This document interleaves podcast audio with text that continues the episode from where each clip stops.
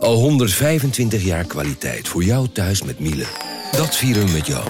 Ontvang nu tijdelijk een cashback tot 125 euro op veel Miele-apparatuur. Geniet van de kwaliteit van Miele. Voor perfect verzorgd wasgoed en kleding die veel langer mooi blijft. Voor een stralend schone vaat, even perfect als jouw diners. En een stofvrij thuis waarin echt hygiënisch schoon de standaard is. Check miele.nl voor alle feestelijke aanbiedingen. Ik ben al jaren ondernemer, maar waar moet ik eigenlijk allemaal aan denken nu ik voor het eerst personeel wil aannemen, voor het eerst ga importeren of voor het eerst een bedrijfslocatie zoek? Weet wat je wel of niet moet doen bij zaken die je voor het eerst oppakt. Check kvk.nl voor praktische stappenplannen. KVK, hou vast voor ondernemers. Fijn dat je luistert.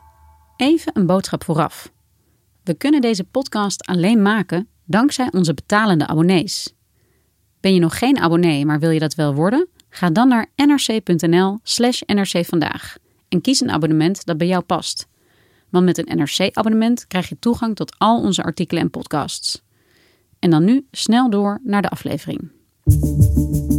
Vanaf de redactie van NRC het verhaal van vandaag. Mijn naam is Floor Boon.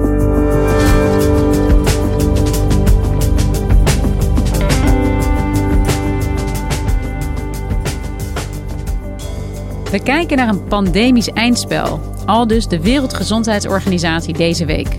Corona zou endemisch worden, zoals de griep. Maar zolang een groot deel van de wereldbevolking niet is gevaccineerd, blijft corona een risico, signaleert wetenschapsjournalist Sander Voormolen. Is dat goede nieuws dan wel terecht?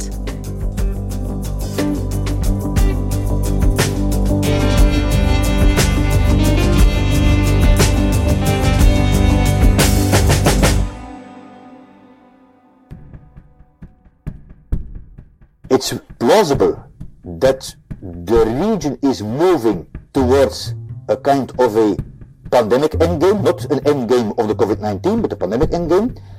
Dit hoorden we Hans Kloeke zeggen, Europese directeur van de Wereldgezondheidsorganisatie. Hij deed dat dit weekend in een interview. En hij zei dat het uh, einde van de pandemie mogelijk in zicht is in Europa. De verwachting is dan, doordat er zoveel Omicron-besmettingen zijn, dat uh, tegen uh, zo ongeveer maart 60% van alle Europeanen uh, dit virus gezien hebben. En dan breekt er een rustige tijd aan, verwacht Kloeger. Dat je dus de situatie hebt waarin er heel veel mensen immuniteit hebben. En het virus dus veel minder kans krijgt. Hij heeft het al wel over het einde van de pandemie. Maar uh, het is wel goed te bedenken dat het uh, virus niet meer weggaat. Het blijft gewoon onder ons. En dat zal dan, uh, als het geen pandemie meer is, een endemisch virus worden. Positief nieuws over corona. Sander, wat fijn dat we eindelijk een keer iets fijns horen over de pandemie. Ja, je zag ook dat meteen heel veel media hierop ingingen. Want dit was eindelijk een positief uh, signaal over corona.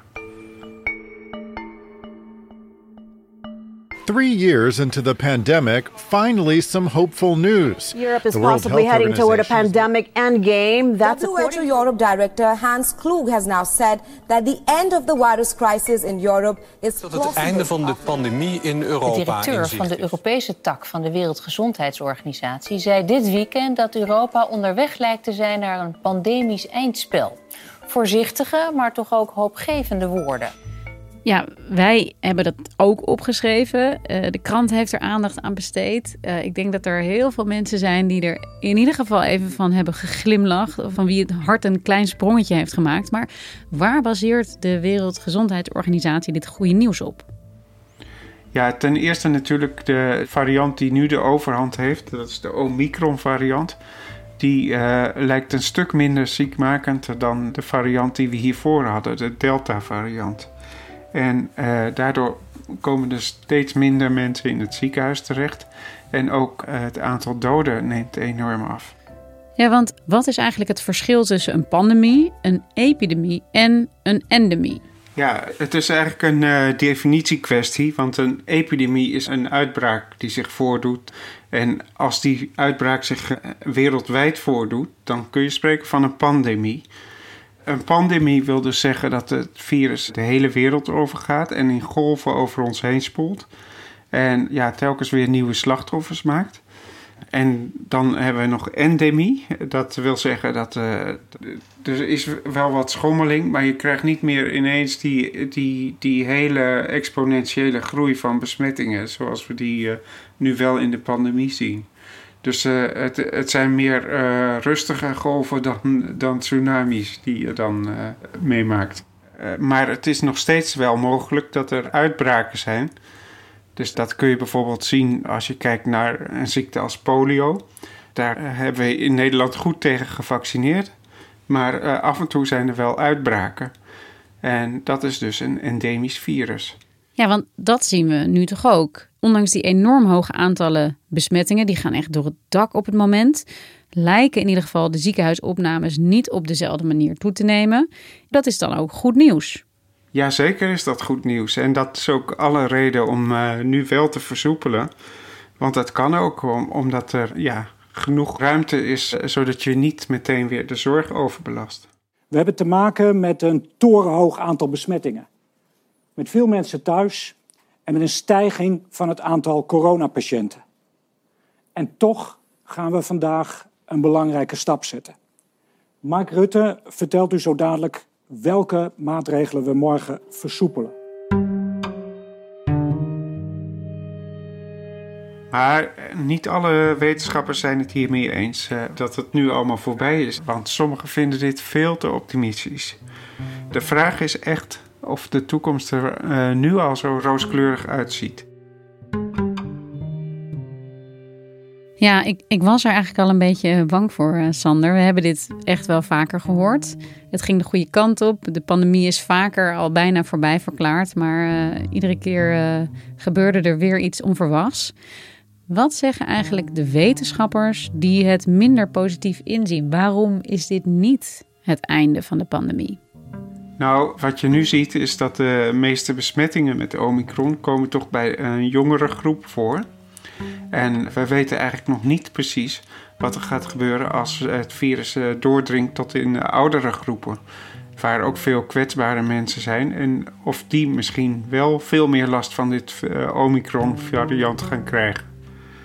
Een tweede reden waarom onderzoekers toch wat minder optimistisch zijn dat het nu allemaal voorbij is, is dat er nog altijd een groot risico is dat er nieuwe varianten ontstaan. Dit virus heeft ons al vaker verrast, dus ja, dat kan weer gebeuren. Dus het is ook een beetje afwachten. A, wat Omicron doet met de ziekenhuisopnames en of er niet nog ergens een nieuwe variant opduikt die we nog helemaal niet kennen. Ja, precies. Neem bijvoorbeeld het Omicron-variant. Dat is eigenlijk een virus dat al heel vroeg ontstaan is eh, in de zomer van 2020 en pas later naar de oppervlakte is gekomen en dus uh, zich wereldwijd verspreid heeft. Maar dat wil eigenlijk zeggen dat er onder de motorkap kunnen er nog een heleboel varianten schuilen die we nu nog niet ontdekt hebben, maar die later wel een probleem kunnen zijn. En het is vrij lastig te voorspellen welke kant dat zal opgaan. Het kan natuurlijk zijn dat het uh, milder wordt, zoals we nu misschien met Omicron uh, zien. Maar het kan ook zijn dat het een nog ernstiger ziekmakende variant uit voortkomt. En dat uh, moeten we heel erg goed in de gaten houden. Eigenlijk zei Hans Kluger dat ook. Maar eigenlijk werd vooral zijn positieve boodschappen opgepakt, maar hij had er ook een waarschuwing in verpakt. It's possible that there will be an endgame, and is more and more being discussed. But of course, it can also be that the COVID-19 once again is going to surprise us with another variant. Ja, want hoe zit het met het principe van groepsimmuniteit? Als er heel erg veel besmettingen zijn zonder dat het leidt tot heel veel ziekenhuisopnames, komen we dan niet ook dichter in de buurt van die groepsimmuniteit die vanaf het begin van de pandemie een beetje ja, als, als eindspel boven de markt heeft gehangen van als we groepsimmuun zijn, dan gaan we aan corona voorbij. Ja, daar zijn de wetenschappers ook al verdeeld over. Het ene kamp zegt, ja, zie je, zo'n virusvariant breekt overal weer doorheen, waardoor het hele speelveld van het virus eigenlijk weer open ligt. En het andere kamp zegt, uh, ja, maar als je dus eenmaal Omicron hebt doorgemaakt, dan heb je nog een bredere uh, weerstand tegen het virus. En dan wordt het steeds moeilijker voor nieuwe varianten om daar nog een keer doorheen te breken. Het is duidelijk niet zo zwart-wit en er zijn nog heel erg veel onzekerheden. Maar wanneer is een pandemie dan eigenlijk voorbij? Wie beslist dat? Ja, het is natuurlijk zo dat de WHO heeft de pandemie uitgeroepen. We have therefore made the assessment that COVID-19 can be characterized as a pandemic. En die moeten dus eigenlijk ook weer intrekken. Uh, maar ja, de vraag is dus wanneer je dat doet. In ieder geval moet er dan uh, substantieel minder uh, doden en zieken zijn door dit virus.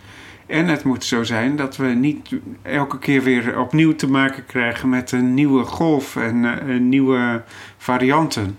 Bijvoorbeeld bij ebola, dat is ook een virusziekte die vooral lokaal uitbreekt. Daar kan de WHO heel makkelijk een noodsituatie uitroepen, maar hem ook weer intrekken als er 90 dagen geen besmetting is geweest. Dat is een heel duidelijk moment. Maar ja, in dit geval is dat uh, bij SARS-CoV-2 is dat best wel lastig. Want welk moment kies je en komt er misschien nog een variant op? Dat weten we natuurlijk niet. Dus nu zeggen dat het virus endemisch wordt, is dat eigenlijk gewoon te vroeg? Ja, ook Jaap van Dissel, de baas van het OMT, die vindt het veel te vroeg om nu al over het einde van de pandemie te praten. Ja, vroeger uh, heette dat geloof ik uh, de struisvogelpolitiek of je hoofd in het zand. Hè. Kijk, de, de vraag is natuurlijk of dat ook gerechtvaardigd is. Dat weten we dus gewoon nog niet of we al aan het eind zijn. En het is soms ook wel gevaarlijk om dat uh, nu al te bedenken. Tedros, het hoofd van de WHO, heeft ook geprobeerd om dat nog te nuanceren bij het verhaal van Hans Kloeke. There are different scenarios for how the pandemic could play out. But it's dangerous to assume that Omicron will be the last variant or that we are in the endgame. Ja, het kan dus zelfs gevaarlijk zijn, zeg jij, om te verklaren dat de pandemie in Europa voorbij is. Maar waarom is dat eigenlijk gevaarlijk? Ja, je ziet dat in Groot-Brittannië zijn alle maatregelen al afgeschaft bijvoorbeeld. De vraag is wat dat oplevert. In ieder geval heel veel besmettingen. En we weten ook dat heel veel besmettingen in ieder geval het virus weer de ruimte geeft om uh, nieuwe mutaties te ontwikkelen. En ja, dat kan dan weer vervolgens nieuwe varianten opleveren. Ja, en uh, we kunnen hier wel denken dat we het virus onder controle hebben en dat we de maatregelen kunnen afschaffen. Maar als je het internationaal bekijkt, dan is het echt nog wel een probleem. Want we kunnen hier in Europa wel denken van het is klaar, maar het heet een pandemie. Dus dat betekent een wereldwijde epidemie. En die virussen en virusvarianten kunnen overal weer vandaan komen. Ja, dus de Wereldgezondheidsorganisatie richt zich vooral op Europa met die opmerking dat de pandemie voorbij is. Terwijl zolang corona rondraast in de wereld ook het risico op nieuwe varianten blijft, die vervolgens weer in Europa kunnen huishouden. Ja, dat klopt, ja. Want er zijn wereldwijd uh, nog uh, 3 miljard mensen nog helemaal niet gevaccineerd. En daarvan wonen er heel veel in ontwikkelingslanden die ook geen geld hebben om dit allemaal zelf te organiseren. Dus die zijn wel van ons afhankelijk om dat goed te regelen. En er is nog een grote ongelijkheid in de wereld wat dat betreft. En als je dus uh, hier in het Westen denkt van de pandemie is voorbij, dan kan ook de urgentie eraf gaan om die andere landen te helpen om die pandemie verder te bestrijden. De bestrijding van dit virus moet echt wereldwijd worden aangepakt, zeg jij ook. Ja, zeker. Dat zei ook Tedros, het hoofd van de Wereldgezondheidsorganisatie. On the contrary, Globally, the conditions are ideal for more variants to emerge. To change the course of the pandemic, we must change the conditions that are driving it. It means achieving our target to vaccinate 70% of the population of every country with a focus on the most at risk groups. En is dat ook wat wetenschappers zien dat andere varianten vooral ontstaan in landen waar de vaccinatiegraad laag is? Uh, nou, dat is niet helemaal waar. Dat kan. Maar het ontstaat ook vooral in gebieden waar heel veel besmettingen zijn. En de vaccinatiegraad speelt daar natuurlijk een rol bij, maar dat is niet uh, alles bepalend. Dus ook hier in Nederland zou op dit moment een nieuwe gevaarlijke variant kunnen ontstaan. Ja, en dan met name bij mensen die langdurig geïnfecteerd zijn door zo'n virus, kan het virus mutaties opbouwen. Dus door elke keer een klein stukje te veranderen. En als dat maandenlang zo doorgaat, kan daaruit een uh, gevaarlijke variant ontstaan. We hebben ook een voorbeeld uh, laatst gehad in Groningen van een patiënt waarbij dat gebeurde. Gelukkig is daar geen gevaarlijke variant uit ontstaan, maar het laat wel zien dat het mogelijk is. En dat hoeft dus niet ergens ver weg in India of Afrika te gebeuren, het kan ook gewoon hier. Want we weten bijvoorbeeld dat uh, mensen met een uh, verzwakt immuunsysteem, dat die het virus heel lang bij zich kunnen dragen. En ja, zo'n verzwakte immuunsysteem, dat kan allerlei oorzaken hebben. Dat kan een andere infectie zijn, bijvoorbeeld uh, een HIV-infectie. Maar het kan ook iemand zijn die onder behandeling is en afweeronderdrukkende medicijnen slikt. Bijvoorbeeld omdat hij een uh, orgaantransplantatie heeft gehad of dat hij een uh, bepaalde immuunziekte heeft. En hoe zit het met de vaccins intussen? Want in Europa bijvoorbeeld is een steeds groter deel van de bevolking gevaccineerd. Maar blijkt Omicron daar ook wel weer doorheen te breken? Ja, en zelfs door de boosters, die blijken ook uh, uh, maar een uh, beperkte houdbaarheid te hebben. Dus ja, uiteindelijk verwachten veel wetenschappers wel dat je speciale vaccins zou moeten ontwikkelen op die varianten. Want alle vaccins die er nu zijn, die zijn eigenlijk gebaseerd op het oorspronkelijke virus uit Wuhan. En je wil natuurlijk uh, een vaccin dat aansluit bij het virus wat op dit moment uh, rondgaat. Pfizer en Moderna en al die vaccinfabrikanten die nu een vaccin op de markt hebben, die werken aan specifieke Omicron-varianten van hun vaccin. Maar er zijn ook nog onderzoekers die, die proberen een vaccin te ontwikkelen dat tegen ja, meer verschillende varianten van het coronavirus beschermt. En dan zou je dus uiteindelijk een vaccin kunnen ontwikkelen dat ook een beetje toekomstbestendig is. En hoe dichtbij is de wetenschap bij zo'n vaccin dat ja, tegen veel meer beschermt dan alleen maar tegen die paar varianten? Ja, dat is lastig te zeggen. Op dit moment worden er wel proeven gedaan in muizen. En daar werkt het natuurlijk goed. Maar ja, zoals we weten van andere onderzoeken, is het uh, altijd heel makkelijk om muizen te genezen, maar veel lastiger om mensen te genezen. En als we kijken naar hoe deze pandemie zich misschien uiteindelijk op een gegeven moment om gaat vormen in een endemische ziekte, is dan het gevaar geweken? Nee, uh, dan kan het nog steeds een ernstige ziekte zijn. Want bijvoorbeeld, ik heb een stuk gelezen van Aris Katsourakis, dat is een uh, wetenschapper uit Oxford. En die schrijft dat uh, andere voorbeelden van endemische ziekten zijn bijvoorbeeld malaria en tuberculose. Nou, aan malaria sterven jaarlijks uh, 600.000 mensen, aan tuberculose anderhalf miljoen. Dus dat zijn zeker geen milde ziektes. En dat zijn toch endemische ziektes. We begonnen zo optimistisch, Sander. En helaas moeten we misschien toch concluderen dat ja, we nog niet op het punt zijn dat we hier uh, met elkaar kunnen gaan staan juichen. Ja, dat is heel onbevredigend, maar dat is wel de situatie volgens mij. Ja, het kan nog alle kanten op. En waar zet jij je hoop op op dit moment? Um, ja, goede vraag. Ik, ik zou toch wel hopen dat we uiteindelijk een vaccin krijgen dat uh, ons beschermt tegen alle toekomstige varianten. Dan kunnen we echt stappen maken en dan ziet de wereld er echt wel weer wat rooskleuriger uit. Ik kijk er nu al naar uit. Dankjewel, Sander. Jij ook bedankt.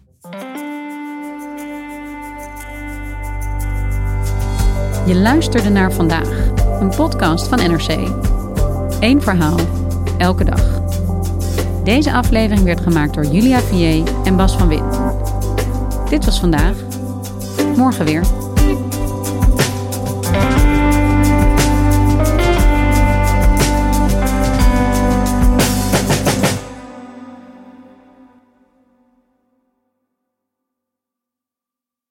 Technologie lijkt tegenwoordig het antwoord op iedere uitdaging. Bij PwC zien we dit anders. Als we de potentie van technologie willen benutten, kunnen we niet zonder een menselijk perspectief. Human-led, tech-powered noemen we dat. Ga naar pwc.nl.